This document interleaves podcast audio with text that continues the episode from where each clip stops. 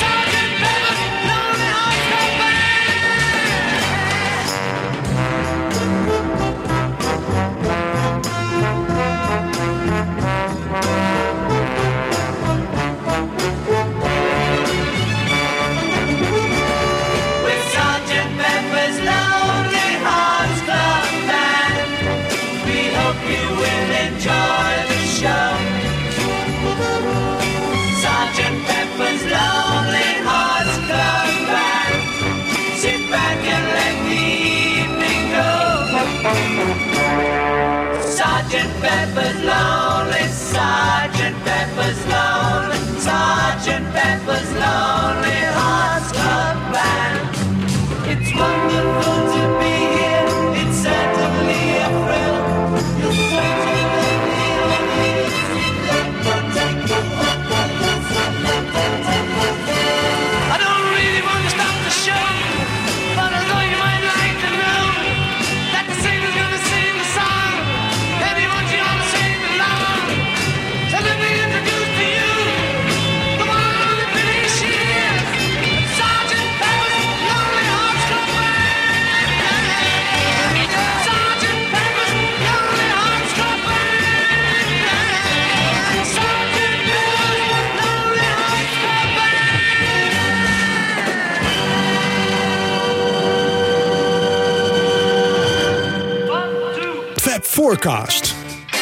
Ja, welkom luisteraars allemaal weer. Je hebt het allemaal gehoord. We gaan het hebben over Sergeant Pepper. En dat doen we natuurlijk met... Wibo. En... Michiel. Ja, Wat hoorden we hier? Ja dit is een soort Bob de Jong-achtige eh, versie. Hè? Dus eh, dit is niet een officiële versie. Maar dit is, ik geloof dat het orkest van George Martin is of zo. Of een- iets dergelijks. En dat hebben ze gemixt met, eh, met de, de Sergeant Pepper officiële versie. En dan krijg je dit. En dat is wel grappig. En ik dacht, nou, dit is wel leuk om mee te beginnen. Want we gaan het hebben over Sergeant Pepper. Eigenlijk hebben we al iets gedaan aan Sergeant Pepper. een aantal afleveringen terug toen we het in zijn geheel hebben gehad over Strawberry Fields. Want die behoort er eigenlijk ook toe. Hè? Eh, Sergeant Pepper is eigenlijk begonnen eh, op 24 februari. Ja, sorry, 24 november 1966. Ehm, maar eigenlijk eh, moeten we daarvoor, als we eh, de hele Pepper eh, geschiedenis willen beginnen, moeten we eigenlijk al iets eerder beginnen. En dat is met Family Way. Eigenlijk, eh, dat was in september, oktober. We horen de muziek. Ehm, interessant hierbij is te vermelden, ik heb me nu de afgelopen tijd een beetje verdiept in die, eh, eh, in die hele Sgt. Pepper geschiedenis. En het blijkt dat ehm, Paul McCartney eh, had eigenlijk niet zoveel zin om dit uiteindelijk te gaan doen. Hè. Dit is muziek, filmmuziek die George Martin heeft eh, bewerkt. En eh, Paul hoefde eigenlijk alleen maar een melodie aan te leveren. Maar daar heeft hij heel lang mee gewacht. En uiteindelijk begrijp ik nu wel wat het was. Want ehm, hij was in gedachten al veel verder. En we zullen dat straks ook zien. Ehm, we zullen dat straks ook wel zien. Want de, de, de, we zien dat, dat McCartney hier echt voor Sgt. Pepper zelf arrangementen gaat eh, schrijven. En eh, dat, dat het uitschrijven gebeurt nog door, door, eh, door George Martin. Maar hij bedenkt al hele arrangementen. En in het verleden was het zo dat hij wel eens bedacht hoe een enkel instrument moest klinken. Bijvoorbeeld in For No One, hè, die, French horn. de ja. French horn. En die schreef hij dan helemaal uit. Maar George Martin was het altijd nog die, als er, een, als er wat meer muzici in de studio waren. en er moest een orkestje op de achtergrond spelen. bijvoorbeeld eh, eh, bij Eleanor Rigby. dan schreef hij nog het hele arrangement uit. En dat zien we nu gaan veranderen. Eh, bij Sgt. Pepper gaat eh, McCartney echt zelf aan de slag. En het gaat zelfs zo ver dat George Martin tegen hem zegt van neem nou eens eh, wat lessen en ga eens wat theorie bestuderen, want jij kunt dat zelf ook. Maar dan moet je er wel wat moeite voor doen. En daar had hij niet zoveel zin in. Hij gebruikt Martin eigenlijk nog steeds om het uit te laten schrijven. Terwijl Lennon, die laat het nog helemaal over aan George Martin. Hè? Dat zien we bij Strawberry Fields. En eh, ook bij andere nummers. Day in the Life bijvoorbeeld. eh, de, de, als we nadat het orkest gaan dat omhoog gaat. Dat, dat, dat schrijft Martin nog helemaal zelf. Daar bemoeit Lennon zich niet mee. En ook eh, de, de stukjes arrangementen in bijvoorbeeld in Being for the Benefit of Mr. Kite. Echt de Lennon nummers die schrijft. en Ja. ook Good Morning, Good Morning. Die schrijft Martin nog helemaal op eigen initiatief. Maar de McCartney nummers die worden echt nu door McCartney gemaakt. En daarom denk ik dat McCartney niet zoveel zin had om deze, eh, ja, die filmmuziek die hij uiteindelijk wel heeft aangenomen. Maar daar had hij niet meer zoveel zin in, want hij kon er ook niet zoveel mee. Hij moest alleen wat muziek aanleveren en dan eh, ging, ging Martin er verder mee aan de slag. Heeft toch Love in the Open Air op dat Love nummer. Dat is zijn bijdrage, toch? Ja. Zo'n liedje. Ja, Maar ja, Paul McCartney moet je natuurlijk ook niet vertellen wat hij moet doen. Hè? Want dat doet hij juist niet. dat is ook waar. Ja. Dat heb je gelijk in. Ja, ja, ja. Het is, het is, eh, ja, Ja. Ehm, ik wil nog even terugkomen op de aflevering die we toen hebben gemaakt eh, eh, over Strawberry Fields. Inmiddels heb ik daar wat nieuwe informatie over gevonden. Aha. En dat vond ik, wel, vond ik wel heel erg leuk. McCartney die, ehm, die wilde graag naar Lennon toe. In, ehm, wanneer was het? No- november eh, 1966. Eh, omdat Lennon die verveelde zich enorm in Spanje. Hij speelde daar eh, in de film How I Won the War. En eh, was daar samen met Neil Aspinall en zijn vrouw Cynthia. Maar hij verveelde zich enorm. En eh, iedere avond speelde hij met Michael Crawford eh, Monopoly. En die Michael Crawford die heeft er een paar interessante dingen over gezegd. Die zei, eh, we wilden eigenlijk hier zo snel mogelijk weg. We hadden het wel gezien en we werden niet zoveel ingezet bij die filmopname. Dus we moesten heel vaak heel lang wachten. En dat was niks voor Lennon. En onze grap was voortdurend: ehm, wie neemt de eerste de nachttrein naar Madrid? Want die nachttrein naar Madrid dat was eigenlijk de ontsnapping. Want wie de eerste de- de nachttrein naar Madrid nam, die kon de volgende dag naar Londen vliegen en weer terug naar huis. Ehm, en toen zei Lennon op een gegeven moment: een nachttrein naar Madrid, dat vind ik eigenlijk, dat, dat, dat zet mij wel aan het denken. Eh, ik ga daar eh, een nummer eh, over schrijven. En ehm, toen zei Michael Crawford, toen ik terugkwam en ik hoorde eh, Strawberry Fields, hoorde ik heel duidelijk in het tweede deel, wat totaal afwijkt van het eerste deel, dat het echt de, eh, de Night Train to Madrid is. En ehm, laten we even luisteren naar het stukje wat eigenlijk heel erg afwijkt van Strawberry Fields en wat voor ons eh, Crawford dan echt Night Train to Madrid is.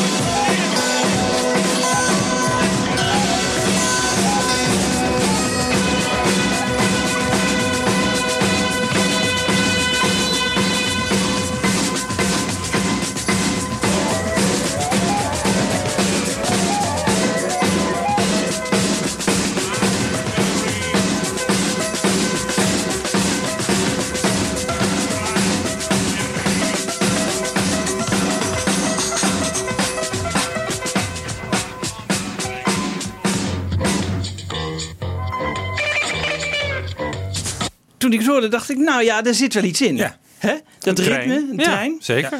En het, gebeurt natuurlijk wel vaker bij Lennon dat hij, eh, eh, dat hij twee nummers eh, samenvoegde tot één. En ik heb altijd al vreemd gevonden, want toen, dit, nummer is opgenomen toen George Martin en Jeff Emmerich een avond naar de première van Cliff Richards, een film, gingen.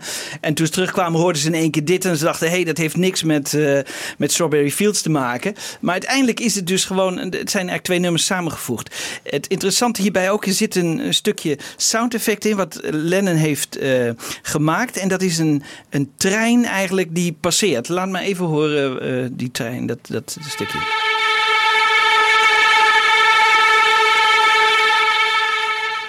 Ja, Dat zit op de gitaar. Van Dat zit dat, Ja. Is En- het overheen gemixt dan? ja, dit, dit, Ja. dit- hè, als je goed luistert in die mix hoor je dit, dit geluid Ja. ook. En dit komt later weer terug, dat is wel grappig. Ik denk dat het ook gebruikt is in Carnival of Light. Een soort, eh, weet het niet zeker, maar ik vermoed het bijna wel. Maar zeker is het ook weer gebruikt in de volgende eerste opname bij de witte dubbele LP. Toen eh, beet Lennon weer de spits af en eh, maakte hij als eerste Revolution. Ja. En eh, in Revolution zit dit geluid weer. En eh, dit leidde eigenlijk tot een soort anarchie op het eind van Revolution. En dat leidde weer tot Revolution nummer 9. Dus eh, hier wordt eigenlijk een, een, soort, eh, ja, een soort opeenvolging geboren hè, van door één geluidseffect, wat hij dan vaker gebruikt. En dan wat uiteindelijk weer terugkeert ook in Revolution nummer 9 en Revolution nummer 1. Nou, dat, dat is even wat ik, wat ik ontdekte. En dat vond ik wel leuk. Dat, dat zie je niet zo vaak. eh, Nou, we moeten het even laten horen, want eh, Revolution 1, de studioversie zeg jij, daar zit ook aan het eind. Ja, er zit, en, en we kennen inmiddels de lange versie daarvan. Hè? Dat is eh, Ja. eh, die, die hele lange, van Ja. wel acht minuten. Ja. En daar wordt het verschillende keren in gebruikt, dit, eh, dit geluidseffect.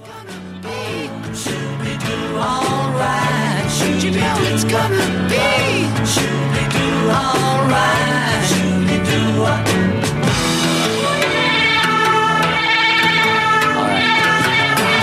Should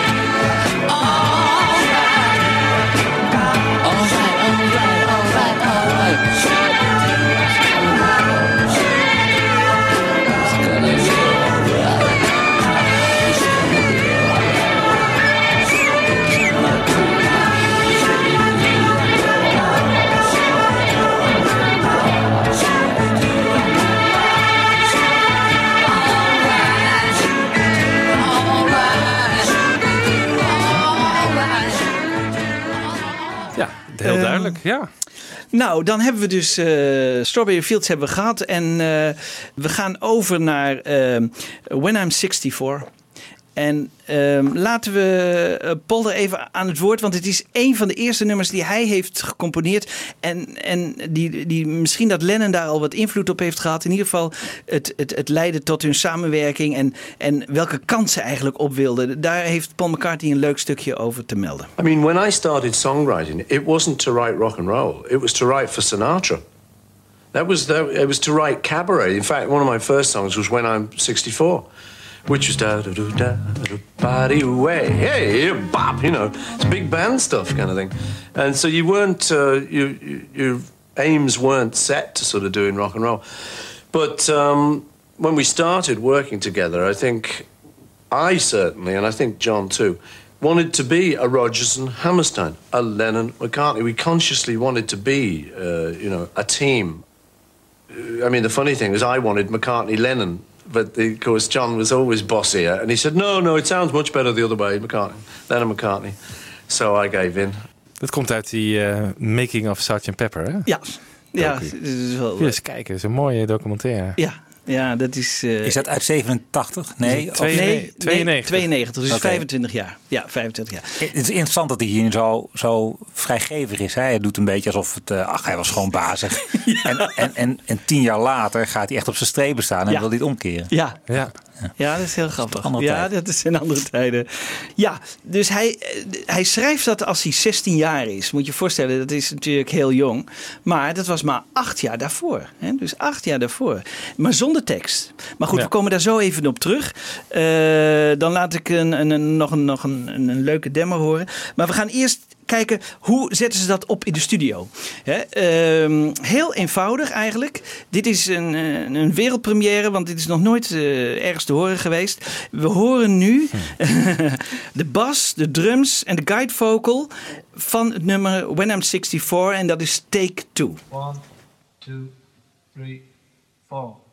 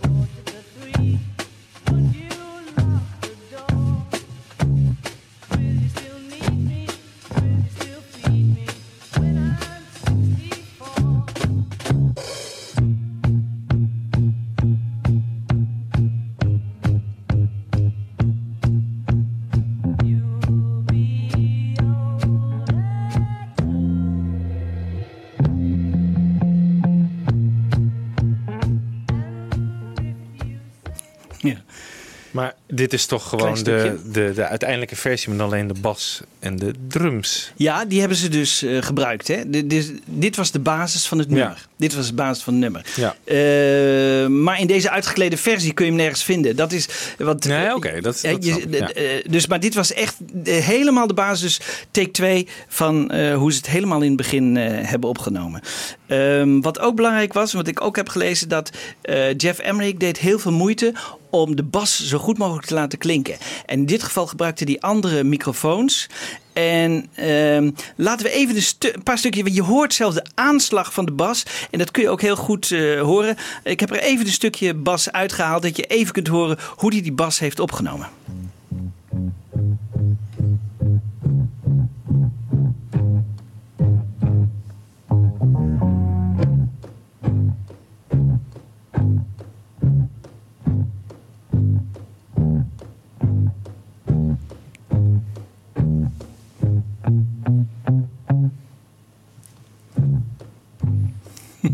ja.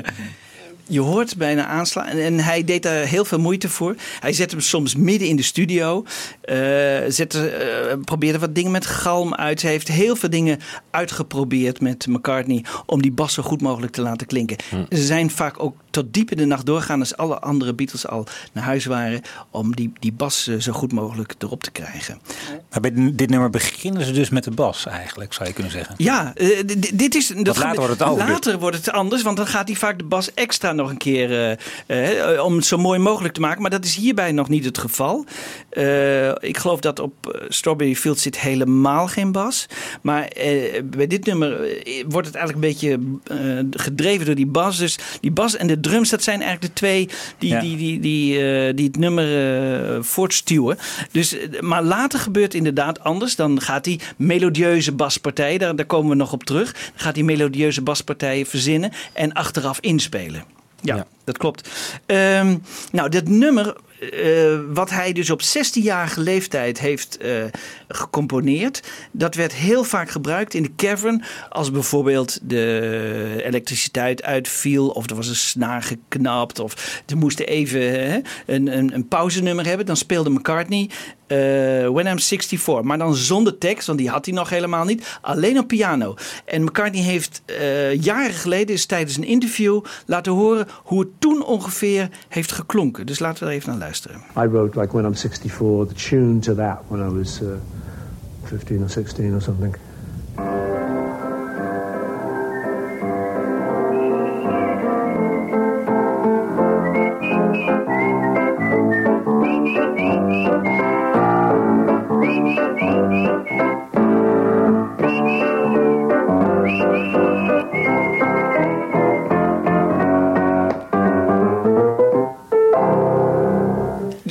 Dit, was hij toen al zo goed piano? Dat denk. Ja. Ja. Ja, ja, misschien wel. Gewoon heel rudimentair. ja. Ja. Misschien is het. Ik, ik kan het niet bepalen of het ingewikkeld is om te spelen, maar. eh, Nou ja, je moet wel wat, wat wel wat kunnen. kunnen. Ja, ja. ja. Jammer dat we daar helemaal geen opnames van hebben. dat is jammer, ja. Ja, ja ook Ja, er was geen elektriciteit om het op te nemen toen. Nee, maar je zou Nee, maar uit die Quarryman-opname of zo. Ja, dus precies. is, eh, Ja, is er niks ja. van bewaard gebleven. Dat is eigenlijk wel, eh, dat is eigenlijk wel heel jammer. Maar ik vind het wel op, opvallend, want eh, ik dacht altijd dat Penny Lane meteen hierna kwam. En daarna When I'm 64. Maar dat zit dus tussen Strawberry Fields en Penny Lane in. Ja. Dus was Paul toen al bezig? Dacht hij van, dit is mijn, eh, mijn tegenaanval op Strawberry Fields? Om dat, nou, of- dat denk ik niet. Dat denk ik niet. Ik denk dat dit nummer wel al eerder bedacht was en hij heeft er een tekst bij bedacht. Maar dit was nee, want die, die echt zijn tegenaanval was wel Penny Lane hoor. Dat ja, was, daar was hij eh, waarschijnlijk mee bezig. Ja, want eh, toen George Martin ook moest kiezen voor een single, eh, koos hij niet voor eh When I'm Nee. 64 en met, in combinatie met Strawberry Fields. nee. Dus ik denk inderdaad, dit was een tussennummer waarvan ze wisten dat is een aardig vulletje voor de, voor de de, voor, plaat. voor de plaat. Maar meer ook niet. Het, nee, zo werd het niet gezien. Zo werd het niet gezien. Er wordt overigens ook, en dat, dat, dat, dat misverstand bestaat vaak wel, dat eh, er gedacht werd dat eh, John en Paul van tevoren hebben bedacht van we gaan het hebben over onze jeugd. En dat wordt door Paul tegensproken, door George Martin wordt tegensproken. Neil Aspinall eh, zegt ook, nee, eh, wat Ian McDonald wel in zijn boek zegt, eh, het, het heeft wel een soort Noord-Engelse sfeer allemaal, heel veel nummers. Maar verder kunnen we het eigenlijk niet, eh, nee. Er is niet van tevoren een afspraak gemaakt van we gaan nu alle nummers over onze jeugd nee. componeren. Dus dat niet. Nee, nee. Ehm, maar die piano, en dat is wel interessant. Kijk, we hebben dus nu net gehoord hoe McCartney dat speelde. Maar hij dacht, bij dit nummer is het ook aardig om een stukje piano bij te spelen. En het leuke van, van McCartney vind ik dan weer dat hij, eh, ze weten eigenlijk, en dat, dat weten die andere Beatles ook, heel goed zich te beperken. Dus, eh, maar hele kleine effectjes, want je zou denken, nou heeft dit nummer ooit op de piano gespeeld, dus er zal ook wel heel veel piano in te horen zijn. Maar dat is dus niet zo. Eh, laten we even luisteren naar hoe hij piano speelt. En ik, ik, ik heb expres een wat langer stukje laten horen, want dan hoor je ook dat het in de studio eigenlijk doodstil is. Dat je af en toe, je hoort er iets kraken op de achtergrond of er valt iets. Op 21 seconden valt er iets. En je hoort hem eigenlijk, eh, ik weet niet wat er precies gebeurt. Of hij tikt met zijn voeten mee of met zijn vingers ergens mee. Maar hij luistert in ieder geval op de koptelefoon eh, naar het nummer. En voegt daar eigenlijk af en toe wat korte piano stukjes aan toe. Laten we er even naar eh, luisteren. En, en luister vooral naar die... eh, Ik zou de, eh, de aan willen raden om met de koptelefoon te luisteren. En heel goed luisteren ook naar die stukjes ertussen. Want dat is eigenlijk natuurlijk het leukste. Hij is dus eigenlijk stil, maar hij, hij doet ook een beetje mee met, met de melodie.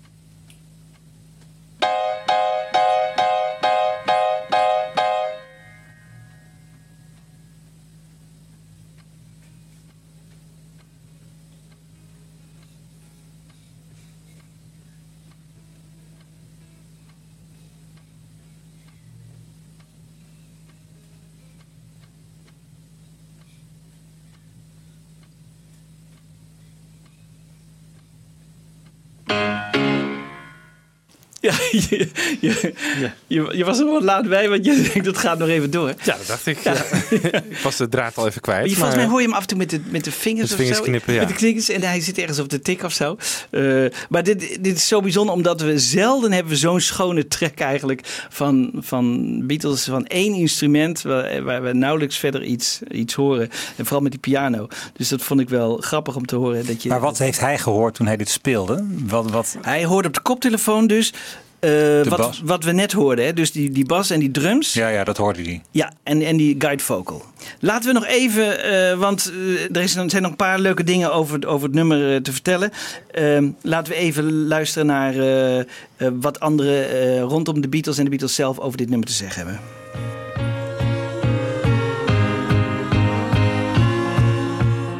I wrote um, the tune to When I'm 64 when I was about 14, 15 or something. The words came a bit later when I was 24. Well, 64 was something Paul wrote when we were in the cabin. We just stuck a few more words on it, like Granny on your knee and Vera, Chuck and Dave. It, was, it was just one of those ones that he'd had that we've all got, really. You know, there's half a song that there's always. This was just one that was quite a hit with us. Yeah. I think we used to do it when the amps broke down, you know, just sing it on the piano. What will you do when you're 64? I don't know, Michael. What will you do?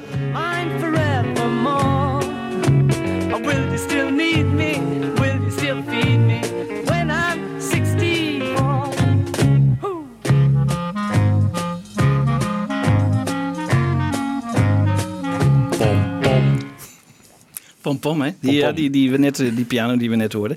Overigens, die stem is hier dus weer 6% te hoog. Ja, hier.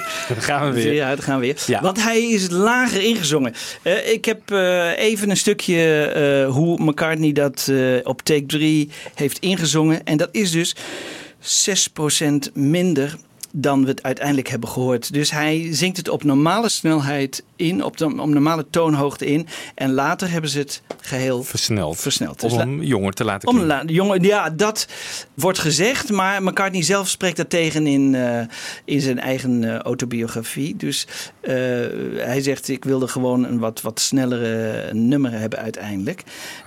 Dus niet het zozeer dat hij jonger wilde klinken. Oké. Maar laten we maar even kijken hoe die, eh, hoe die Take 3 heeft eh, ingezongen. Een klein stukje daarvan. When I'm 64, this is take three, and it's a copy of take two.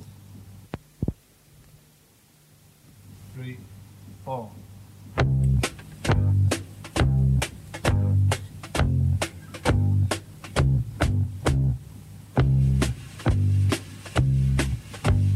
When I get older, losing my head many years from now, will you still be sending me a valentine? Birthday greetings, bottle of wine. If I'd been out till quarter to three, would you lock the door? Will you still need me? Will you still feed me when I'm 64? Leuk man. Het is gewoon perfect ook, hè? Ja. Ik bedoel, heeft hij veel tekst moeten zingen? Dit kan bijna niet Hij voorstellen. doet, hij doet het wel een paar keren over het algemeen, maar eh, deze zat er wel vrij snel eh, goed in. Ja. Ja. Zingt, zingt mooi hoor. Ja. Ja. Hij zingt mooi. Maar dit is dus. Hè, de, de- en hij verzint dan ook een paar leuke backing vocals voor, eh, voor John. En die heb ik even achter elkaar gezet. Want dat, dat verfijnt toch zo'n nummer weer enorm. Ik bedoel, dat, eh, dat is ook de grote kracht van McCartney. Hè. Die backing vocals, de arrangementen van die backing vocals. Dat doet hij zo goed. En laten we even luisteren hoe John. En ik dacht George ook, maar we moeten even kijken. eh, dat doen in eh, 66, eind 66.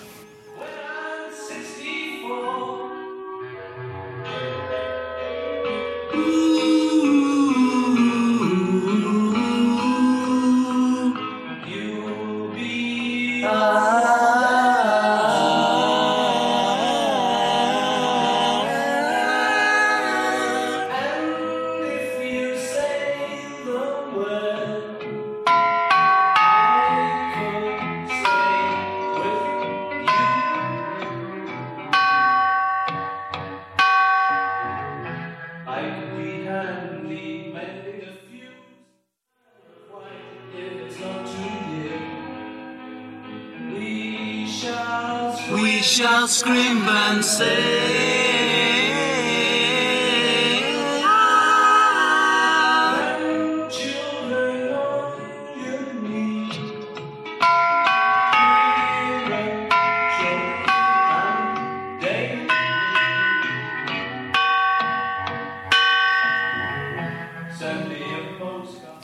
Wie bespeelt de bel, weet je dat? Dat is Ringo. Oh ja? Ja, dat is Ringo. Dat is Tubular Bell. Ja, Tubular Bell. Ja, Tubular Bell. Mike ja. Oldfield. Ja. Nee, het is, Ringo. ja. Eh, volgens mij zijn het Paul en John die eh, volgens mij het achtergrondkoortje. Maar ik, Ja, op een gegeven moment hoorde ik denk ik ook drie stemmen. Ja, het dat is George ook. George Ja. ook, hè? Ja, ja. George ook, ja, ja, ja. ja. Nee, maar de, de, de- heel erg leuk. En, en dan gebruiken ze dus die, die, eh, die, dat, dat spoor tegelijkertijd om Ringo dan die Tubular Bells te laten eh, spelen. Nou. Dan eh, denkt Paul, ik moet, er moet iets eh, achter. En eh, nou, dat blijkt dan een aantal klarinetten en een basklarinet te zijn. Dat geloof ik, daar komt George Martin nog wel mee. Maar McCartney is het dan die dan bepaalt hoe die melodielijn van, die, van, dat, van dat orkest gaat klinken. En eh, nou, dit is eigenlijk zo leuk. Ik heb dat hele orkest gewoon. We laten even dat hele nummer horen. Eh, en bedenk daarbij dus dat McCartney. Dit, dit eigenlijk het eerste nummer is wat McCartney helemaal zelf verzint. Dus dat, dat is eigenlijk weer een unicum ook in die carrière van die Beatles. En daarom is het eigenlijk wel leuk. Dus daarmee wil ik eigenlijk afsluiten. De, de, de, Dit nummer, hè? want toen komen we hierna nog met... eh, we, we- ja, Penny ja, Lane. Nee, we, we gaan zo Ja. door met Penny Lane. Maar dit nummer sluiten we af met. Ja, met eh, de, de, de klarinet. Ik dacht drie klarinetten en een Dus basklarinet. even, het unieke is dus dat McCartney het helemaal zelf arrangeert en helemaal de productie te hand neemt eigenlijk. eh. Ja, ja, hij staat zelfs, volgens mij staat hij zelfs al een beetje te dirigeren voor, eh, voor, die, voor, die, voor die klarinetisten. Ja. En alleen Martin schrijft het echt uit. Maar dat doet hij, hij neuriet het voor. Of, of, Ja, iemand moet natuurlijk de, noten even opschrijven. Dat, ja, dat kan ja elkaar precies. niet. En Ja. ja. dat is het eigenlijk. Maar dat is eigenlijk wel. En, en dat zal later tot een, tot een conflict leiden tussen, tussen McCartney en, en Martin. Maar daar, daar horen we later nog wel meer over in een latere aflevering. Maar dit is dus wel belangrijk om te weten dat McCartney vanaf nu eigenlijk zelf dit soort dingen doet. Nou, laten we eh, tot slot luisteren naar eh, het arrangement van When I'm 64.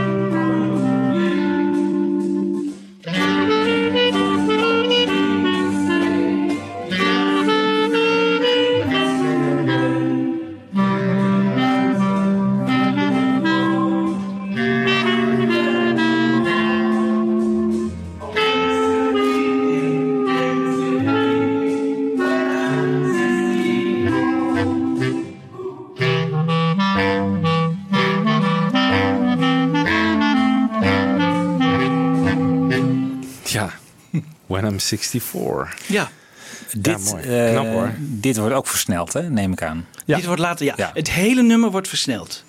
Dus 6%. Dus eh, als ze het helemaal hebben afgemixt, en, eh, dan, dan is het dus nog langzaam. Dus, de, de, stemmen zijn langzaam, de, de, de, muziek is allemaal langzaam. En dan zegt hij: nee, ik moet, wil het toch allemaal heel sneller hebben. Dus het hele nummer, als het afgemixt is, wordt 6% sneller. Ja. Overigens, wat ik wel interessant hierbij vind, is dat je hoort dus bij, als Paul zelf op de piano speelt, dan luistert hij op, via een koptelefoon.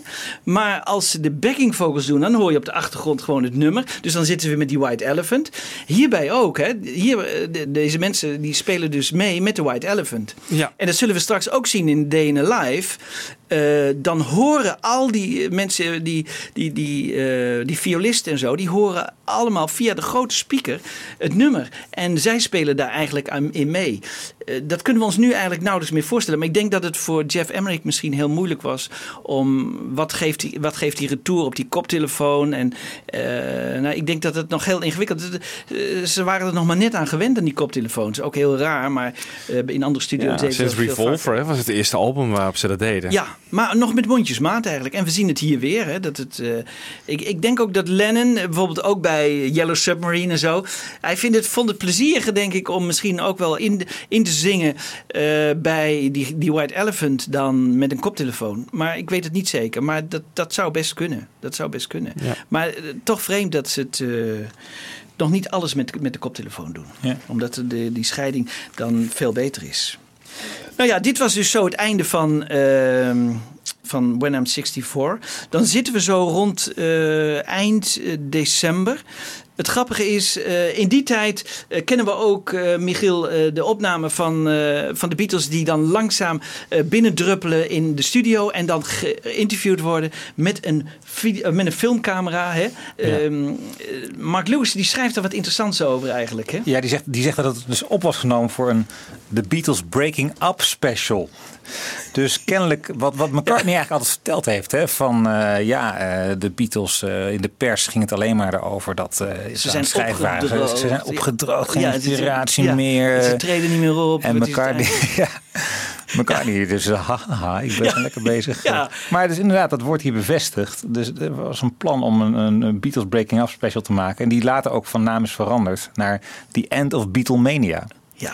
Dus dat, dat, dat zwakt het al wat af. Dat Ja. zwakt het al wat af. Maar dan Ja. maak je zo'n documentaire en dan ga je naar Abbey Road en dan komen alle vier Beatles gewoon doodleuk naar binnen lopen. Van, Ja, maar eh, overigens, en dat vind ik ook wel weer leuk. Hoezo dan? Want als je dat leest, dan ze, ze wordt van tevoren wel even afgesproken met het management van mogen we ze interviewen. In die tijd was het dus nog niet zo van ik ga, we gaan er met een camera naartoe en we zien wel wanneer ze binnenkomen. Nee, het wordt echt gevraagd van jongens, is het goed dat we ze een paar vragen stellen aan als ze binnenkomen. hè?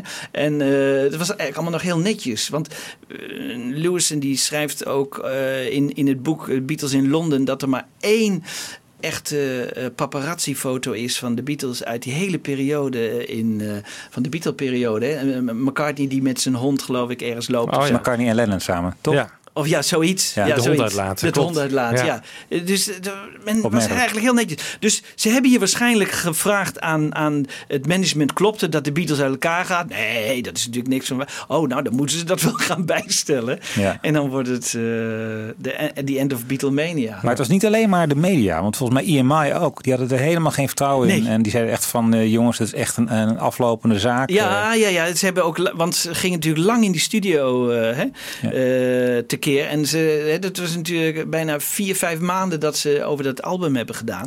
En dat kost natuurlijk een vermogen. Dus eh, je maar dacht, nou, dat halen we er nooit meer uit. En, eh, nee, heel veel mensen dachten ook, hè, dit is die end, eh, de bubbel is gebarsten. Hè, Ja. waar ze het al zo vaak over hadden. Ja, maar eh, niets, niet was minder waar, want...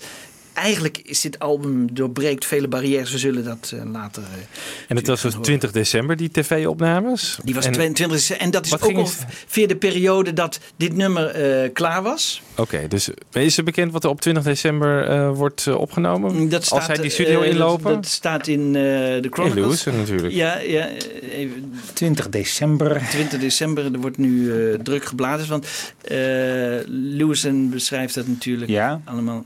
Ja. Dus vanaf 7 uur s'avonds tot 1 uur, 1 uur 's ochtends, zeg maar. Of 1 uur 's nachts. eh, When I'm 64. Ja. Ah ja, Eh, dat, Ja. dat is het. Ja. Ja. oké. Ja. Nou, Ja. het, was, het is s'avonds opgenomen, die, eh, Ja, die meestal beelden. gingen ze, ze begonnen pas eh, later op de avond.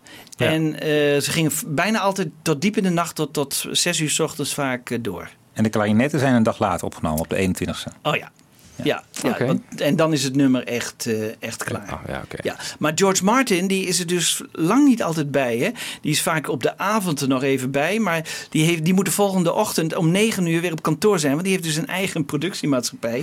Die ook, hè, dat zullen we later nog zien. Maar die ook heel veel andere artiesten eh, produceert. En eh, die, die valt vaak in slaap. En die Beatles die doen vaak heel weinig in de studio. Zitten een beetje te tokkelen. En de- tot er inspiratie komt. En daar kon hij niet op wachten. En dus Jeff Emmerich die maakt alle opname eigenlijk mee tot diep in de nacht en, en in de ochtend.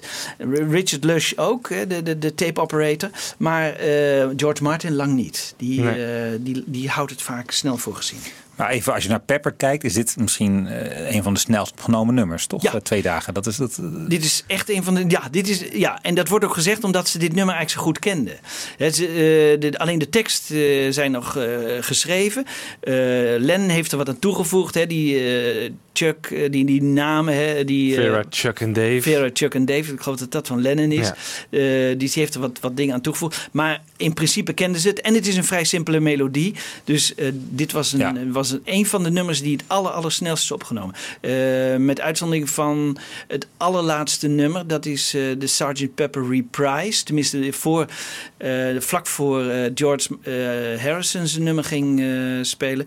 With and Without You. Maar dat is ook in één dag opgenomen. We gaan nu naar Penny Lane. En nou, laten we even horen wat, wat, wat de heren erover te melden hebben. Paul and John had this camaraderie, which was also a competitive um, element in it, and they would always try and score points of each other in the nicest possible way. And if John wrote a great song, as he did in Strawberry Fields, then Paul would say to himself, I'm going to do better than that. And I think there's a certain amount of synchronicity here because um, I'm sure Penny Lane was thought of before Strawberry Fields was made, but they were both songs which um, were evocations of their childhood. Penny Lane is a, not only a street, but it's a district. I lived in Penny Lane in a street called Newcastle Road. So I was the only actual person that lived in Penny Lane. Penny Lane was a place that John knew about. So, you know, for me to just say I've got a song called Penny Lane, he knew exactly what I was doing. Similarly, Strawberry Fields, I knew about that from when I used to go and visit him when we were kids. Um, it was the place right opposite him where he used to uh, go and play in the garden kind of thing. So it was kind of a magical childhood place for him. And we transformed it into the sort of psychedelic dream it's like everybody's magic place instead of just ours. We took them from being little localized things to made them more global. Penny Lane was dat, hè? Dit, Ja. eh, nou ja, eh, het is alsof eh, John een beetje verwijtend zegt van... ja, ik was de enige die daar echt woonde. Zo van, Ja. ik ben de enige die recht van spreken heeft hier. Maar Het was dus inderdaad die roundabout die er was. Het is gewoon een soort busstop, toch? Waar alle bussen waar je moest overstappen. ja, ja, McCartney ging vaak met de bus naar het centrum en eh, Ja. kwam daar dan langs. Ja. Hij heeft overigens al in november 1965 de naam Penny Lane voor het eerst genoemd. Van, da- daar wil ik wel een eh, nummer over maken. Dus het heeft nog een jaar geduurd Hm. voordat hij dat eh, uiteindelijk ook heeft, ook heeft gedaan. Want wat we wel zien bij, met uitzondering van When I'm 64, zijn bijna alle nummers vlak voor de opname eh, gecomponeerd. Eh, Strawberry Fields heeft wat langer geduurd, hè, dat was in Spanje. Maar Penny Lane eh, is in die tijd. En alle nummers eigenlijk zijn in die tijd tijdens de opname gemaakt. Dus ze hebben niet van tevoren, zoals bij de Dubbele Witte, een aantal nummers alvast gecomponeerd en, en, en demo's gemaakt. Nee, het is allemaal Hmm. ter plekke ontstaan. Dat was wel grappig. Net in dat interviewtje zei iemand, geloof Paul, dat hij probeerde het iets meer universeel te maken. Hè? Ja. Want dat was volgens mij bij In My Life, eh, die aanvankelijke tekst, daar zat volgens mij ook het woordje Penny Lane in, toch? Ja, ja, klopt. En dat, dat Ja. was vond, en vond- veel meer eh, stukken uit, uit Liverpool. Hè? ja, Die, eh, precies. Ja. en dat vond ja. Lennon een heel eh, zwak, zwakke tekst. Hè. Daarom heeft hij natuurlijk ook zo aangepast. Want Ja. hij dacht van ja, dit lijkt wel een soort eh, What I Did on My Holiday eh, verslag. Ja, ja. Eh, terwijl inderdaad McCartney meteen op een, de juiste toon weet te raken. Maar toch zeg maar het klein weten te maken. Maar toch ook universeel of zo. Dat, Ja. eh, Ja. ja. Nou, Wat we nu krijgen is, ik heb een reconstructie gemaakt van Penny Lane van alle opnamen die ze hebben gemaakt. Dus je moet je dus voorstellen, ze hebben een tape recorder waar vier sporen op te zien zijn. Die vier sporen brengen ze soms weer terug naar één en dan gebruiken ze die drie weer. Eh, en, en dan gaan ze die vier weer terugbrengen naar, naar een. Nou, ik, ik heb nu alle sporen kunnen achterhalen, dus dat is wel interessant. Maar we gaan natuurlijk niet naar het hele nummer luisteren. Dus ik heb er een kort stukje uit Penny Lane genomen, eh, in het midden. En laat iedere keer even horen wat ze dan opnemen. Dus eh, wat ze op spoor 1. Dus laten we eens beginnen met eh, spoor 1. Eh, Paul, die, die, en dit is dan de zesde take, die vindt hij het beste. En dat is piano en eh, guide vocal. Dus het is eigenlijk dit is de allereerste opname van eh, Penny Lane op spoor 1.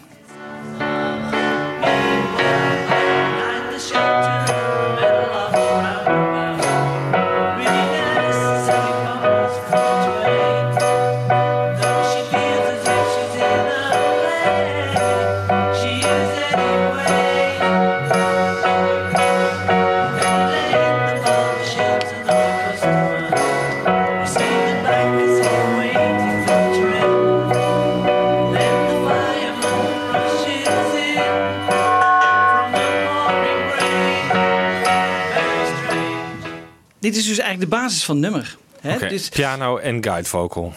piano en guide vocal. George Martin die noemt in zijn boek, en dat, dat is interessant om dat erbij te halen, dat nummer Summer of Love, boek Summer of Love, dat beschrijft eigenlijk heel goed de, de ontstaansgeschiedenis van, v- van, van Sgt. Pepper. Een tweede boek eh, wat interessant is, is eh, het boek van Jeff Emmerich.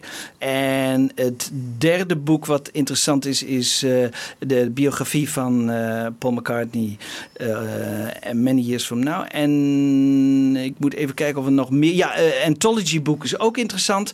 En voor mij persoonlijk was heel interessant eh, Recording the Beatles. Want, Ja. En daar haal ik dus uit eh, eh, wat, wat ze hebben opgenomen.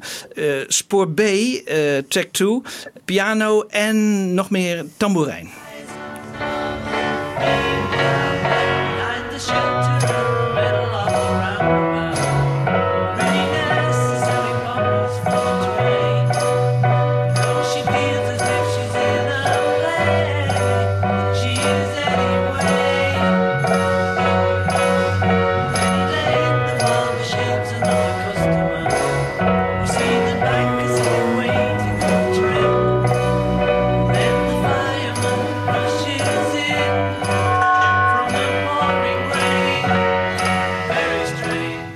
Als ik nu even die situatie in de studio beschrijf. En Paul zit achter de piano met Ja. een guide vocal. Ja, eh, speelt Ringo of wie dan ook ja Ringo tegelijkertijd? speelt de, tamboerijn mee. tegelijkertijd. Ja, ja. En spoor 3 en 4 worden, Worden ook nog niet gebruikt. Worden nog niet, Worden dus, niet gebruikt. Dus er zitten alleen Paul en Ringo Ja. nemen nu de basistrek op. Ja, die nemen alleen de basistrek op.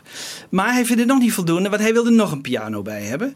Dus hij neemt opnieuw weer een piano op spoor 3. Nou,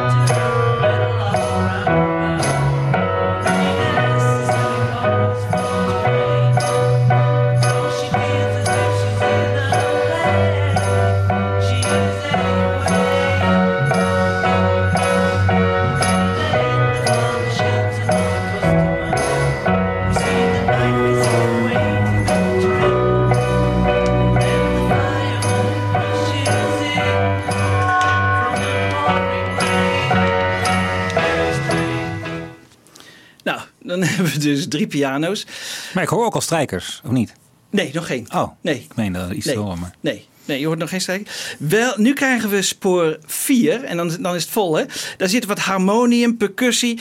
Ik, ik kon het er heel moeilijk uithalen, maar nou ja, het geeft weer een volle geluid. Eh, ze, ze mixen vaak ook al, dus ze denken van nou, dat is toch niet zo goed. Of, eh, ze nemen het wel op, eh, spoor 4.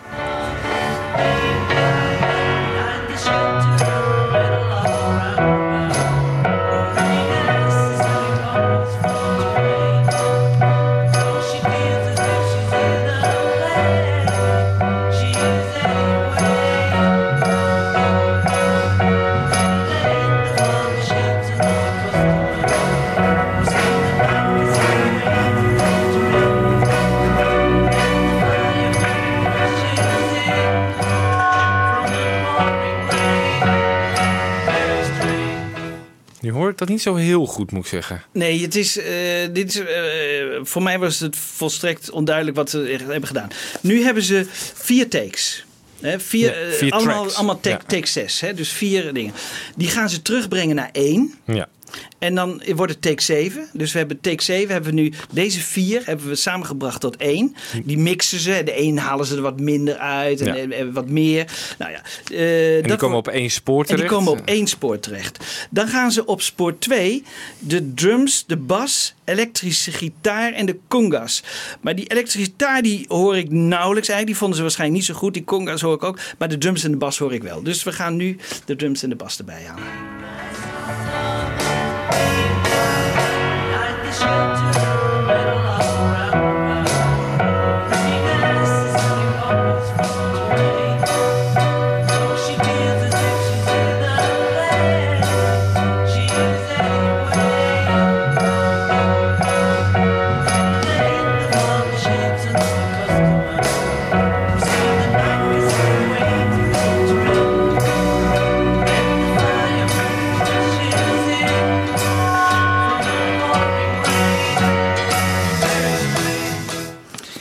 Nou, die hebben we dus nu wat bas en wat drums erbij en wat elektrische gitaar. Dat is nooit een succes geworden.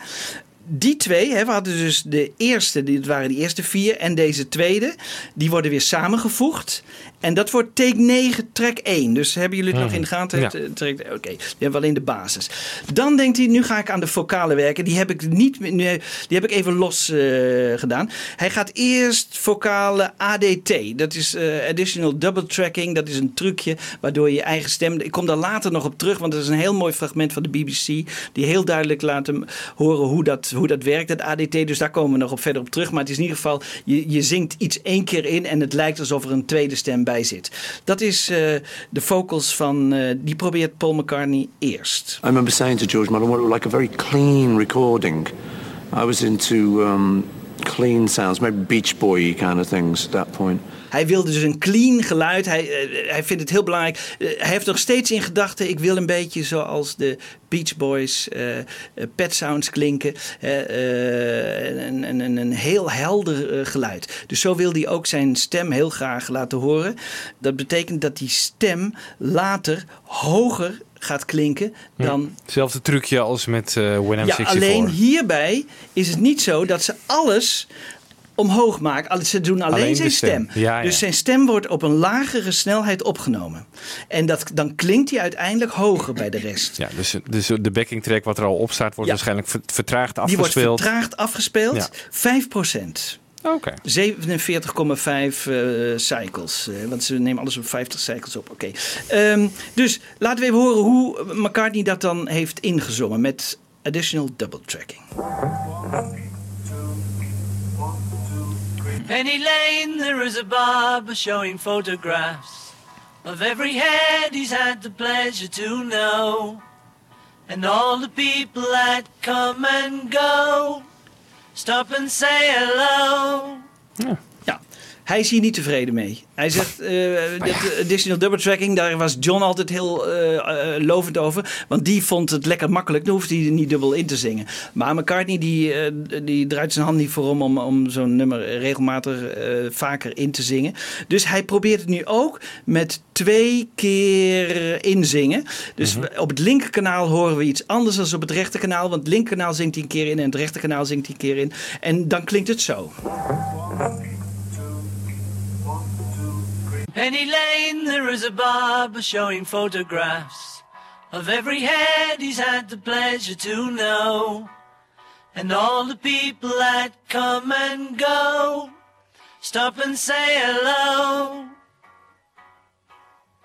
On the corner is a banker with a motor car. The little children laugh at him behind his back. And the banker never wears a mac in the pouring rain. Very strange. Penny Lane is in my ears and in my eyes. even, Janke, sorry. Want ehm, dus die ADT, daar neemt hij afscheid van. Hè? Dat Nee, dus- die, die gebruikt Oh. hij ook. Die gebruikt hij ook. Oh. Dus hij gebruikt verschillende. Dus hij gebruikt en ADT en eh, twee, En keer gewone, twee keer zijn vocals. Zeg maar Ja. gewoon gewone double tracking eigenlijk. Ja. En die gaat hij samen weer met de backing vocals mixen naar één spoor uiteindelijk. Maar daar zijn we nog niet, want we gaan nu... Dus we hebben vier McCartney's. Ja, eigenlijk vier McCartney's. eh, Ja, want ja, maar de, de backing vocals eh, doet hij volgens mij ook nog op Oh, mee. oké, Eh, want, maar die backing vocals, dat is ook wel weer grappig, doet hij weer op de normale snelheid. Dus samen met John zingt hij op normale snelheid die backing vocals in. Dus hij heeft nu het allemaal langzamer laten horen. hè, En dus, de- dus de stem klinkt dan hoger. En nu eh, is hij weer met zijn eigen stem. Eh, en, die- en die van John. Dus eigenlijk eh, ja, eh, zoals je het ook hoort op de CD en op de plaat. Dus hier is geen, zijn geen trucjes toegepast om het sneller te laten klinken. Wat wel leuk is, en dat, dat wist ik niet, dat, dat John die komt dus met een wat eh, schunnige opmerking over die fish and finger pie. Ja. Dat John dat ook eigenlijk zelf zingt hier. Dat, dat, hoor, dat wist ik ook niet, maar dat hoor je nu heel goed. Dat hij daar het voortouw weer in neemt. Hè? Dat hij dat heel leuk vindt om dat zelf te zingen. Ehm, laten we even luisteren. Ik heb een, een korte compilatie gemaakt van de backing vocals. eh, hoe die dan klinken. Beneath the blue skies.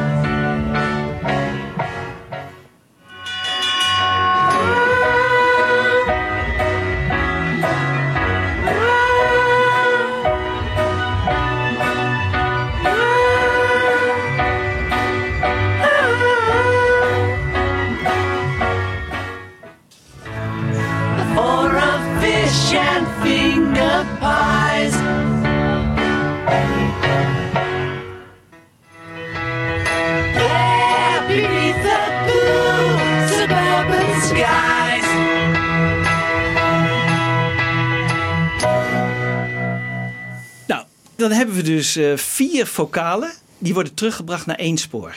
Ja. Spoor 4. Hè? Dat is inmiddels take 9. Spoor 4, take 9.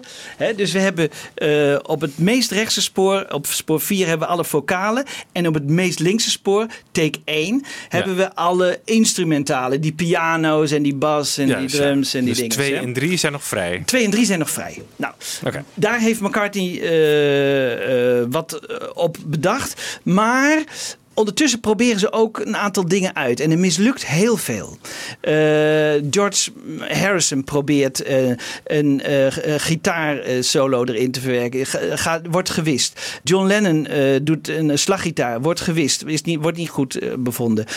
George Martin doet een extra piano spel erbij. Wordt ook gewist. McCartney probeert op halve snelheid de piano erin te voeren. Wordt ook gewist. Wordt allemaal mislukt. Daar zijn ze eindeloos mee bezig. Ze En je zegt gewist, het wordt ook echt letterlijk gewist. het We wordt letterlijk we, we gewist. hebben het niet. Nee, want ze proberen het dus, dan doen ze het op één spoor. En dan zeggen ze, nee, vinden we toch niks. Dan gaan ze weer over dat spoor heen. Jammer. En dat is eigenlijk voor ons wel ontzettend jammer. Want Mhm. eh, dat, dat maakt het voor ons... eh, maar gelukkig, wat, wat is ons geluk? Eh, John Lennon verveelde zich tijdens die opname. En hij vraagt aan Jeff Emmerich... Jeff, laat, een, laat eens een bandje meelopen. Want dan komen op een gegeven moment mensen in de studio. En hij zit boven in de controlekamer. En hij heeft niks te doen. En dan vraagt hij aan Jeff Emmerich... laat het volgende half uur eens een bandje meelopen. Een cassette. eh, met wat, wat die mensen allemaal zeggen. Daar, komen straks fluitisten, eh, een hobo-speler trompetisten, die komen allemaal in de studio. Mm, Laat eens meelopen. En het voordeel daarbij is dat we ook McCartney horen met een nieuw, eh, nieuwe gimmick. Hij laat zijn piano eh, versterken door een Fox-versterker. En die Fox-versterker die vervormt het geluid. Die brengt er galm bij en die maakt het bijna een soort valsachtig geluid. En eh, nou ja, je kunt ook wel nagaan dat dit niks is geworden, maar ze proberen het wel uit. En het mooie is dus, omdat het bandje van John Lennon heeft meegelopen, kunnen we horen hoe dat eh, mislukte pianogeluid eigenlijk heeft geklonken.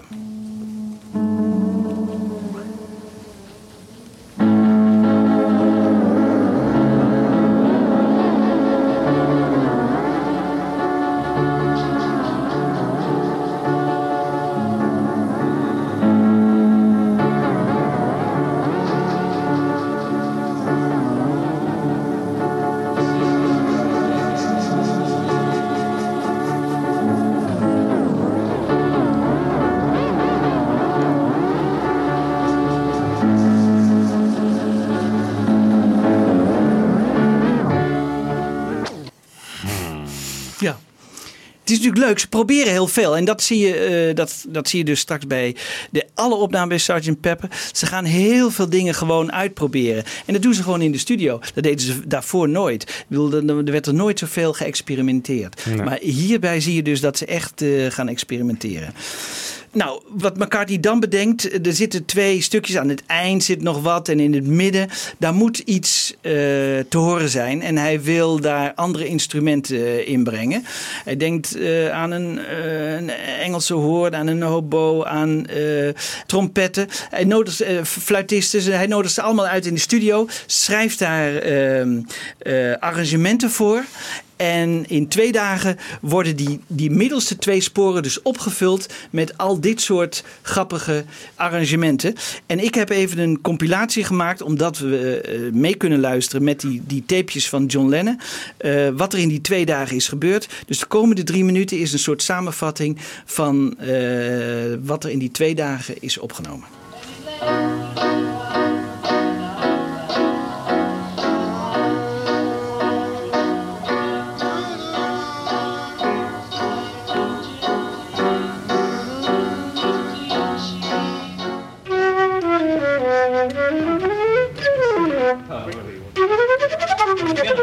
Stay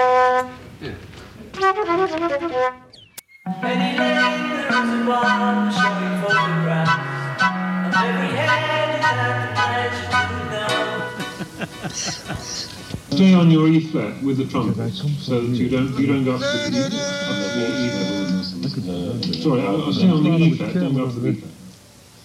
Let's hear it again.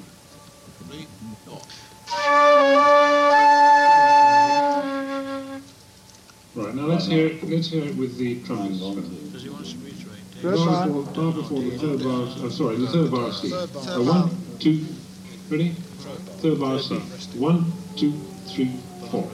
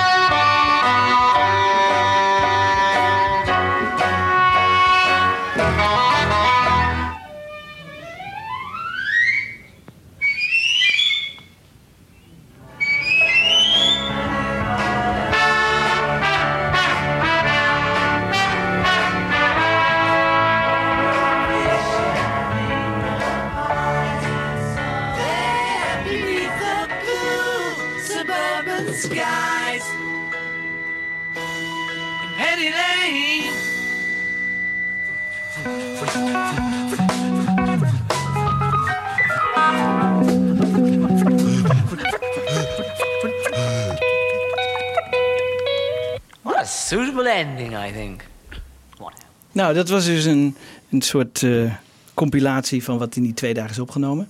Dat En welke twee dagen zijn dat? Toch dat is in 10 en 12 januari. 10 Oké. en 12 Ja, januari. precies. Ja, ja. Ja, en, maar het interessante is dat op de 11e januari Paul McCartney s'avonds naar de televisie kijkt. En ziet dan een, de uitzending op de BBC van de Brandenburger Concerten. Het tweede Brandenburger Concert, geloof ik. Dat eh, toch? Ja, ja, ja. David Mason en hij denkt die piccolo trompet. Hij, want hij zag al, nou, dit is het toch ook eigenlijk niet. Die eerste dag was al, hè, eh, hij was er niet helemaal tevreden over. Hij zegt sommige dingen werken wel, maar het, is, het, het heeft het nog niet. Ik moet iets hebben wat het, eh, wat het echt afmaakt. En hij dacht, die piccolo trompet, dat, dat kan het wel worden. Ehm, dus hij vraagt aan George Martin: wat is dat voor hoge trompet? En eh, kan ik die David Mason, kunnen we die niet eh, naar de studio halen? Dus die hebben ze eh, vijf, zes dagen later hebben ze die eh, naar de studio gehaald. En eh, laten we eh, even Paul en David Mason en ik geloof George Martin ook daarover aan het woord. En even laten horen wat ze dan gaan doen. One of the hallmarks of Penny Lane were the very high trumpets. They're called piccolo trumpet, that is, yeah. I actually saw the player, David Mason, on a telly. I saw him playing Brandenburg Concerto, I think, or something like that.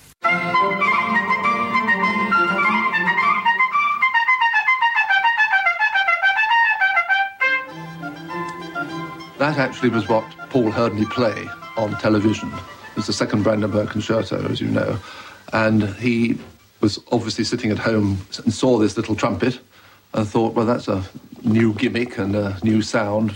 And he'd just written Penny Lane and had had a rather bad backing track. So apparently that was how I came to do it.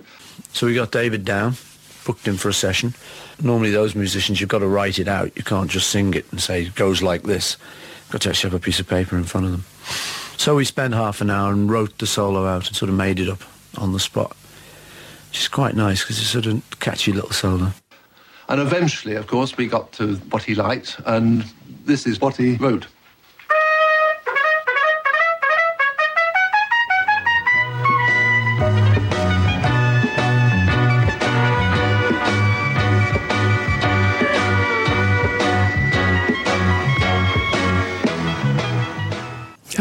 Briljant eigenlijk. Ik hè? eh, krijg de rilling over mijn rug. Echt dit hoor. Echt zo ontzettend mooi. Ja. Ja. En dit leidde nog tot een aanvaring tussen Martin en, en McCartney. Want die David Mason die, die haalde echt het onderste uit de kan. En die eh, wist het in één keer perfect eh, op, op tape te zetten. Maar toen zegt McCartney, nou ja, ik, eh, ik vind het misschien wel zo. Maar ik wil nog een tweede keer. En toen zei Martin echt, nou dat kun je, dat kun je niet maken. Want deze man die, die heeft het echt het uiterste gegeven wat hij kan. En dit is echt, beter kan het niet. En McCartney heeft er maar heel langzaam aan toegegeven. Die, die, die wilde er eigenlijk nog een tweede keer. En, maar Mason eh, eh, heeft een, een geweldige prestatie geleverd. Door, dit in, eh, in één ja. keer eh, erop te zetten. Precies wat het nummer nodig had. Als je dan die, die Ja. solo die je in de, op Anthology staat hoort, dan denk je van nee, Ja. Dat is het inderdaad Nee. niet. Nee, nee, nee, nee. Nee. Nee, het heeft iets lichts nodig. Het eh, heeft iets liggen. ja. En dat is, dat is echt zo knap van zo'n McCartney. Hè? Dat hij dat kan horen. Ik bedoel, ik, ik, word al, ik werd al gek toen ik al die verschillende takes hoorde. En dan denk ik, oh, dan moeten ze mixen en dingen. Hoe kom je daar nog uit? En, en, en hoe kun je daar nog fris tegenaan blijven kijken? En dat, dat is enorm knap. Ik bedoel, het is echt een genialiteit. Dat hij dan in zijn hoofd weet van... nee, als ik dit een beetje of zo... zo'n zo'n zo'n soort solo ertussendoor... Dat, dat, dat maakt het helemaal af. Ik bedoel, dat is echt heel knap. Dat is echt heel knap. En Ja. dat, dat maakt het... eh, En hij heeft het, Maakt hij het heeft ook het ook gearrangeerd of is het samen met George Martin gegaan? Of? Ja, Martin heeft het uitgeschreven, maar McCartney Paul heeft het weer volgen- bedacht. Heeft het weer echt. Ja. Hè, dat, dat, dat, dat zegt hij ook. Want ik, ik kon het hier niet zomaar even een voorneurien aan zo'n man. Want dit was iemand, eh, een topspeler van het eh, London Philharmonic Orchestra. En die, en die, die zijn gewend om, om van, eh, van Van noten papier, ja. ja. Maar hij kon het uit- uiteindelijk thuis wel weer naspelen. Dat was wel heel Ja, grappig. maar dat moet natuurlijk voor op elke verjaardag moet hij Ja, dat moet hij dat natuurlijk spelen. Hij, die, die man die is eigenlijk, die, die was natuurlijk een sterspeler in zijn tijd. Maar eh, hij heeft wel gezegd van overal waar ik kwam werd ik eigenlijk alleen maar herinnerd aan die Aan ene Penny keer Lane. die piccolo trompet in, in Penny Lane. Net als Terwijl met die de- For No One, hè? die eh, Alan Civil ook. Alan exact hetzelfde. ook, ja. Echt de wereld aan moeilijke klassieke Ja. stukken gespeeld. Ja, ja, ja, ja, ja. zo werkt het. Ja, overigens die, die, die tekst, en dat is wel interessant. En eh, Michiel, ehm, Oh eh, we hebben ook weer een stukjes interview gevonden. Want eh, in wezen, het, het gaat over een, onder andere over een kapper. Die, die, die, die de Beatles nog allemaal heeft geknipt. Hè? En het gaat over, over brandweermannen. Maar die brandweermannen die waren er eigenlijk helemaal niet zo blij mee. Met die, blijkt eigenlijk volgens mij. Hè? Want die interviewen ze dan. Ja, eh. ik weet niet wie dat, van wie deze teksten zijn. Het komt uit het boek van eh, The Beatles Off the Record. Hè, met allemaal eh, Ja. niet Nou ja, er zijn dus journalisten die gaan natuurlijk ogenblikkelijk naar die brandweermannen toe en naar die kapper en die vragen natuurlijk wat vinden jullie ervan? Hè, Ja. dus, dus nou, er zegt er eentje van, ik kende de ouders van George. Ja, ik woonde naast Ringo Starr. Die gooide vuurwerk door mijn brievenbus.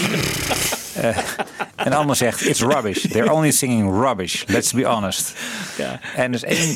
Ze zijn wel echt de generatiekloof Ja. ook, hè, natuurlijk. Ja, maar dus geen trots op de Beatles. Nee, eh, nee, geen trots. Nee, geen trots. En Charlie is kennelijk de, de, de fireman with an hourglass and his pocket a portrait of the queen. Eh, Ja, dat vind ik dan weer bijzonder, want dat wist McCartney natuurlijk niet. Maar dan, dan is er dan ook, hè, dat is eigenlijk net als die vader McCartney en die Eleanor Rigby, dat, die, dat daar stenen van zijn. Maar dat er dus ook weer een, een, een brandweerman is, die, die dus ook echt zo'n portrait of the queen eh, Zou je dat niet geweten hebben? Dat vind ik wel heel Nou, toevallig. Dat is gewoon... eh, Ja, maar Eleanor Rigby, eh, ja, en, en vader Ja. McCartney en Mackenzie en eh, hè, die...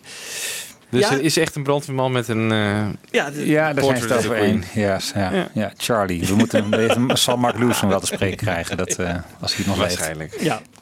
Maar dan eh, gebeurt er eigenlijk eh, eh, iets vreselijks. Want ehm, Amerika vraagt om een single. En die zegt van ja, die Beatles zijn nu al zo lang. Hè. We hebben net gehoord. Hè, sommigen dachten altijd dat het einde van de Beatles nabij was.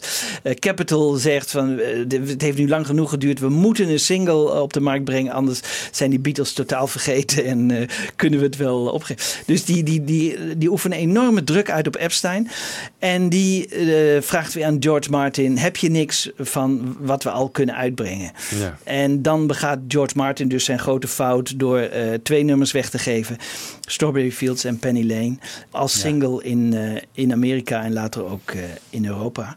Ja, dat is natuurlijk iets wat hij zichzelf heel erg heeft kwalijk genomen, omdat hij eigenlijk vond dat deze twee nummers beter tot hun recht waren gekomen op. op Pepper. Maar nu moet ik erbij zeggen, kijk, eh, wat, ze dan wat, wat hij heel erg vond, was dat het niet nummer 1 werd. Maar eh, wat we er wel bij moeten bedenken, is dat de singles, eh, die, die was eigenlijk gesplitst in Engeland. Dus je had Strawberry Fields en Penny Lane, werden als twee enkele singles aangemerkt. Dus ze moesten twee keer zoveel eh, verkopen als nummer 1. Hè, eh, rele- Please Release Me. eh, om dat voorbij te streven. Eh, dat lukte zelfs de Beatles niet. Want ze hebben in totale verkoop veel meer verkocht dan, eh dan, Engelbert. dan Engelbert Ja. Humperdinck met Please Release Me. Alleen omdat ze het als twee eh, enkele singles eh, zagen. Eigenlijk hadden ze gewoon bij elkaar op moeten tellen en dan... Ja, ja. Dat was natuurlijk ook veel eerlijker geweest. Ja. Maar is het nou echt zo erg dat het niet op Sgt. Pepper is gekomen? Is het niet gewoon sterk als single? Als gewoon twee plekken uit hun jeugd en dat gewoon als een single uitbrengen. En ze waren toch niet van plan om een hele plaat over hun jeugd te maken. Dus Nee. ik vind het als single ook wel ijzersterk, moet ik zeggen. Dat is zo, dat is zo, Sgt. dat Pepper, is zo. er- er staan misschien wat, wat minder goede nummers op. Nou, goede. Je, je, zou het- eh, het had er wel Good goed Morning bijvoorbeeld kunnen vervangen door eh, Ja. Strawberry Fields en, en eh, misschien wel... eh, Maar ze hadden natuurlijk zo'n beleid van wij zetten de singles niet op de plaat. Nee. Dat was. Ja. En het is ook in februari uitgebracht, toch? ja, februari is het uitgebracht. Dus dat is echt wel vier maanden voordat Pepper verscheen. Ja, dan kun je die plaat, of die twee nummers kun je dan niet meer op, op de plaat zetten. Nee. Nee. Ja, the biggest mistake of En- his life, zei hij. Ja. Ja, the biggest mistake of his life. En de Beatles da- hadden ook...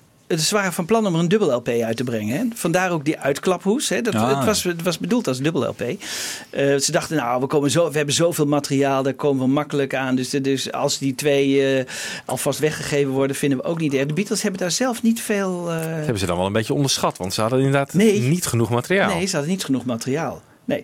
Laten we even horen wat, eh, wat George Martin eh, daarover eh, te zeggen heeft. Over, eh, de, over die niet bereiken van nummer 1. The reason that Strawberry Fields and Penny Lane didn't appear on the album was that Brian Epstein, their manager, was worried and said to me, the boys need a lift, they need a great single, what, do you, what have you got? Well, I said, we've got two wonderful songs, let's issue them both. In those days, we didn't include single releases in albums as we thought that was rather conning the public. One of the biggest errors I ever made.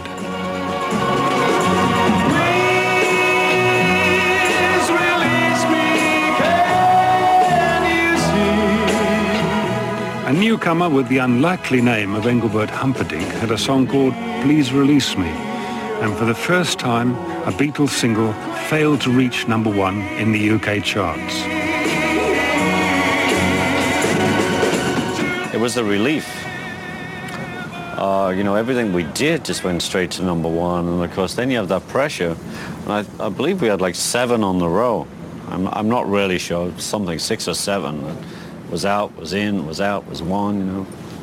So it, w- actually, uh, within the group, it, it took the pressure off. Now, that number, Penny Lane, failed to make number one in Britain, fellas. Did you feel at all put out by that? No, it's the, I don't know. The main thing is it. It's fine if you're kept sort of from being number one by uh, sort of a record like Release Me, because uh, you're not trying to do the same kind of thing as Release Me is trying to do. You know, so that's a completely different scene altogether. That kind of thing. Ja, daar heeft hij gelijk in. Ja. Dus eh, ja, kijk, zij vonden het zelf helemaal niet zo erg. En eh, eh, ik geloof dat Martin het erger vond. Maar misschien heb jij ook wel gelijk, Wibo, is het helemaal niet zo erg. Dat, en misschien hebben ze wel meer aandacht gekregen door die singles. Ja, dat zou wel kunnen. Ik vind het een heel mooi statement als single. Gewoon twee jeugdplekken. Prachtig. Ja. Eh, jongens, ik wil eigenlijk besluiten met eh, de luisteraars eh, te vragen om, de, om echt even een koptelefoon op te zetten. Want ehm, ik wil tot slot twee nummers laten horen tegelijk. Penny Lane, de oude versie, zoals die op de Anthology te horen is. Dus nog zonder de piccolo-trompet. Hè, zoals ze hem eerst bedacht hadden. En de tweede, de uitgebrachte versie met de piccolo-trompet.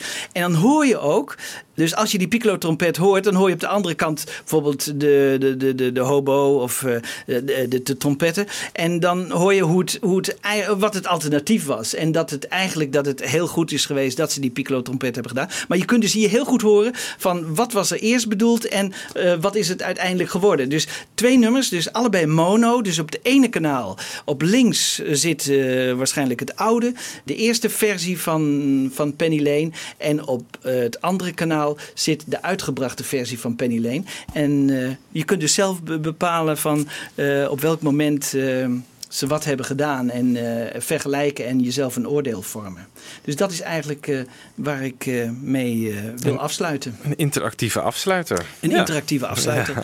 En ik denk dat we over een aantal eh, eh, weken, maanden misschien weer verder gaan met deel 2. Hè? Want Zeker. we volgen het een beetje in de tijd. We zitten nu eh, ongeveer gelijk met de tijd eh, zoals het is opgenomen destijds. We kijken gewoon in hoeveel shows we Sgt. Pepper kunnen tackelen. We kijken gewoon eh, in hoeverre we het kunnen tackelen. Ja, drie En- wordt het in ieder geval. Hè, Ja, dat, dat- waarvan dit deel 1 is dan. Maar ja, ja, ja. dus- eigenlijk is, was, was Strawberry Fields al deel 1. Dit is al een Ja, beetje ja. deel 2. Zeker. Eh, en eh, nou ja, dan gaan we later eh, weer door met. eh, ik denk dat hierna, ik denk een Day in the Life komt. eh enfin, er komen nog heel veel interessante nummers. eh, Die we lekker ook- gaan uitkleden. En die we weer gaan uitkleden en eh, weer veel over laten horen. En, Vind je nou dat dit nummer, ja, ik, ik vraag me soms af of, of Penny Lane wel helemaal de credits krijgt die het verdient. In, in het Beatles, eh, door, de, door, de, door de critici en het grote publiek. Ja.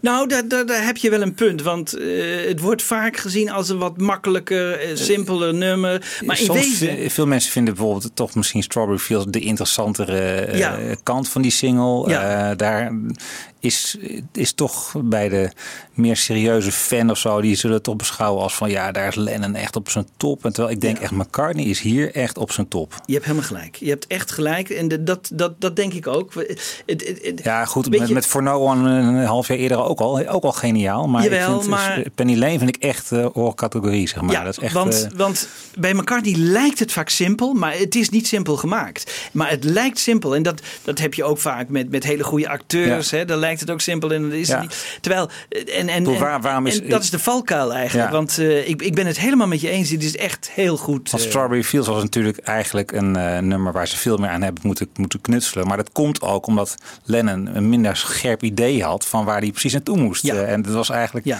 En omdat McCartney het allemaal zo goed heeft uitgedacht, Ja. gaat het heel makkelijk en soepel eigenlijk. En is het gewoon een prachtige, een prachtige hit geworden, heel snel. Ja. Maar er zit heel veel in. Ik kan me ook wel de show van met Dennis Olstrand herinneren. En dat die Hmm. heeft alleen maar over de baspartij gehad. Hebben we het nu nog helemaal niet over gehad. Nee. Maar zeiden ze, er gebeuren heel veel donkere dingen ook. Terwijl het zo'n vrolijk liedje lijkt. Ja. Eh, die, die, Ja. die vond Ja. de baspartij weer ontzettend interessant, Oh ja. weet je wel. Ja. Ja. Zo'n lopende bas zit erin. Ja. Ja. Ja. Ja. Ja. En ik lees hier ook op de Wikipedia-pagina dat het eh, in de. Ja, het, is maar, het is maar een ranking, maar het staat op nummer 456 in de 500 Greatest Songs of All Time in Rolling Stone in 2004. Oh ja. Vind ik, vind ik heel laag. Ja. Ik vind het Ja. echt de top, Ja. eh, top 25 materiaal, dit. Ja, ben ik met je eens. Wat vind jij, Wibo? Ik vind het een heel mooi nummer. Ja, ik heb het wel eh, Als je te, het vergelijkt- te vaak gehoord. Ja, als je het maar- vergelijkt met eh, Strawberry Fields. Ehm, in Strawberry Fields hoor ik wel meer dingen naarmate ik het... eh, dat kan ik vaker horen dan Nou, Penny Lane. Dat heb ik dus niet, nee. Ja. Ik ben heel wel. vaak met jou eens, Wierbo, maar... ja. Ja, Nee, ik heb ja. echt Penny Lane, dat kan ik zo vaak horen. Ja. Dat, eh, dat gaat Ja. mij niet vervelen. Nou, ik Ja. vind het wel heel mooi dat het zo'n clean sound heeft. Dat is wel mooi. Ja. Ja. het verveelt me iets sneller. Maar ik vind het wel een heel mooi nummer. Absoluut, absoluut. Een van zijn toppers. Maar eh Ja. Strawberry Fields vind ik interessanter. Ja, ja. Ja, zie je, dat... eh, Oh ja. En jij? Nou, ik, ik, ik neig meer naar eh, Penny Lane. Omdat eh, juist eh, dat, dat, dat, dat, dat hele simpele... Maar je moet er maar opkomen. Die, die piccolo ook, dat is geweldig. dat is- dat is arrangementje. fantastisch natuurlijk, Dat is ja. echt fantastisch. Eh, die stem die dan net weer iets hoger... eh, die, eh, maar doorgaan. Hè? Net zo lang totdat hij echt de top heeft bereikt. En ik, ik denk dat hij in dit nummer het gewoon niet beter kon. Hij heeft het echt... Het onderst- en wat ik dan zo knap in McCartney vind... Dat hij, en, en dat zegt Michiel ook net... Ik bedoel, die bedenkt het allemaal van tevoren. Hij weet gewoon van tevoren... Ik wil zo en zo'n sound. Ik wil dit en dit hebben. Alleen de finesses van die... eh er ontbrak nog... Hij, hij wist nog niet van het bestaan van die piccolo-trompet Nee. af. En, die- en, maar ze proberen alles uit. Ze proberen gitaren uit. Ze proberen piano's op halve snelheid. eh, vals klinkend. alle, met galm. Alles proberen ze uit. En dat is iets wat in, bij Strawberry Fields minder is gedaan. Daar wordt er echt aan gewerkt. Maar hier gaan ze allerlei leuke dingen uitproberen. En, en, en hij heeft toch nog steeds die ene visie in gedachten. En dat vind ik wel heel knap hoor. Het is wel een heel gelukkig toeval dat dat concert van Bach eh, die avond Ja. op tv was. Ja. eh, in die Ja. week. Ja, dat heeft Ja. zo moeten zijn. Ja, Ja. in die week, ja. Ja. Net tussen de eerste en die tweede opname in. Ja, Ja. dit is echt... Stel eh, dat dat Maler was geweest of zo. Of een Ja. andere Dan- depressieve Hadden we symfonie. een Mars eh, solo gehad. Ja. ja. dan hadden we toch een mindere versie. eh, ja, dan hadden we dus eh, die oude versie van, eh, van de Anthology gehad. Ja.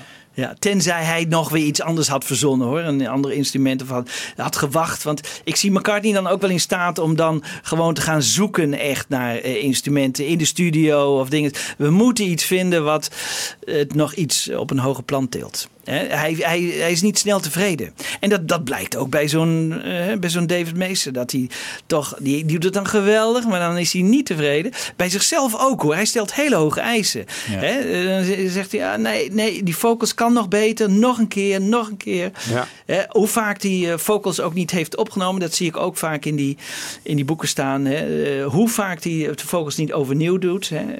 Bij Penny Lane ook drie of vier Ja. keer. En dan pas de vierde keer en dan nog een keer ernaast. En ja, hij gaat maar door. En, en dat, dat, ze streven gewoon naar perfectie. En aan de andere kant vind ik ook zo knap, en dat zien we dus hier ook, dat ze kunnen ook met hele kleine effectjes toch veel bereiken. En, en ze, ze, ze plumpen het niet helemaal vol eigenlijk. Hè, dat, dat zagen we ook bij When I'm 64. Zo knap. Dat, dat piano, hè, want, eh, maar heel kort, af en toe even een stukje. Ja. Maar dat verfijnt het net. Dat geeft net die extra finishing touch. En dat is ook weer zo knap. Ze, ze, ze overdrijven nooit. En eh, soms gebruiken ze maar één toon of één klein stukje in een, in een, in een song van één instrument. Ja. En, en soms laten ze het ook weer verdwijnen in de mix. En, eh, Nou, net wat we met die zo meteen gaan horen dan, met die eh, outro van die piccolo trompet in Ja. de anthology. Hè? Ja, Die laat ze ja. eruit. Ja, ja, dat is ook zoiets. Hè? Want, eh, hij, hij vond toch dat het, dat het eigenlijk eh, niet goed was.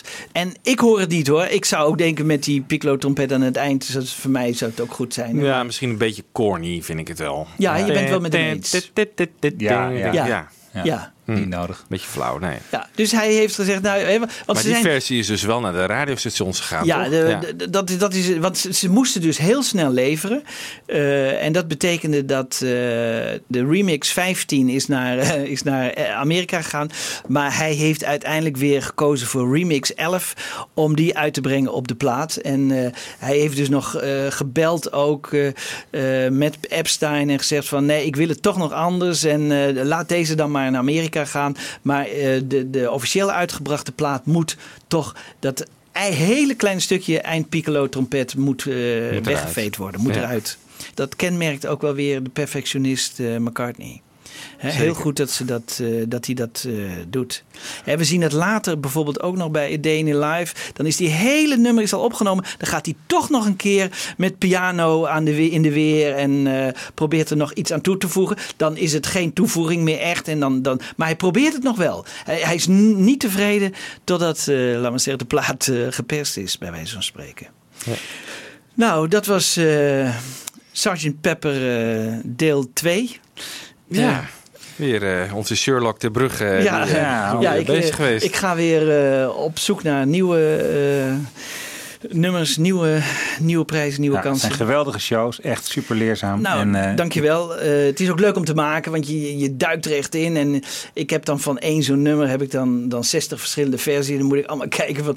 En, en, en, en, en allemaal verschillende remixen en mixen. En eh, nou ja, om, om daar de dingen uit te halen. En dan om te kunnen reconstrueren hoe zoiets te gaan is, vond ik natuurlijk heel erg leuk ook. Ja. Hè? Dus dat, eh, dat is voor mij. Het is nooit helemaal 100% exact, maar het komt al heel dicht in de buurt van hoe het eh, geweest is. En daar ben ik natuurlijk al blij mee dat we dat eh, een beetje kunnen reconstrueren. En ik heb bewondering voor Jeff Emmerich eh, dat hij de zaak zo goed gemixt heeft. En dit, ja, want ook dat deed hij heel veel zelf. Hè. Al voor- premixen maken deed hij vaak zelf. En daar vertrouwde Martin hem weer helemaal in. Dus dat, dat, ehm, dat was eigenlijk een hele goede, een heel goed team samen. Ja, absoluut. Ja. Right. Nou, we gaan eruit met eh, Penny Lane. Ja. Eh, de luisterervaring in het linkerkanaal en het rechterkanaal. Tot de volgende show. Tot de volgende show. Penny Lane, there is a barber showing photographs of every head he's had the pleasure to know. And all the people that come and go stop and say hello.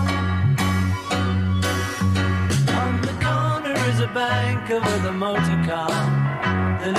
Children laugh at him behind his back. And the banker never wears a mask in the pouring rain. Very strange. Penny Lane is in my ears and in my eyes. There beneath the blue suburban skies, I sit and meanwhile back in Penny Lane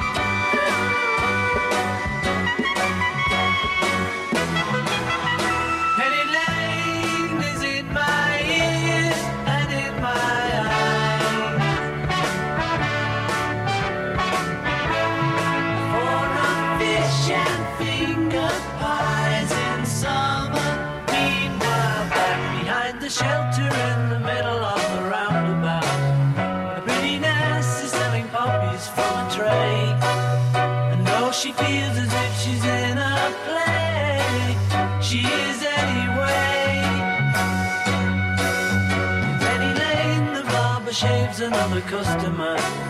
We see the banker sitting waiting for a trim.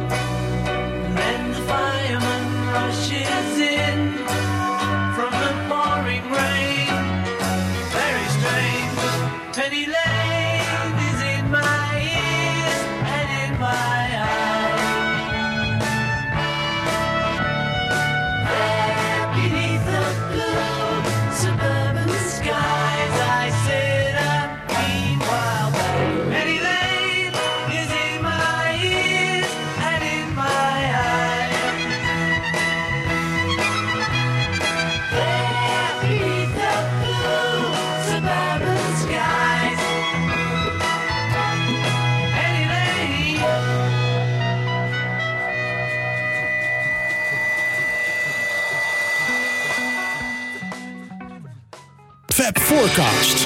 Luister ook naar Fab Forecast via beatlesfanclub.nl.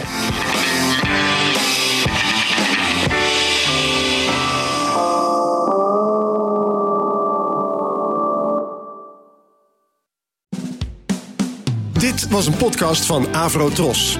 Wij maken tientallen podcasts per week. Van klassiek tot pop, van actueel tot archief, van reguliere radioshows tot speciaal voor podcast gemaakte programma's. Kijk voor meer podcasts op avrotros.nl.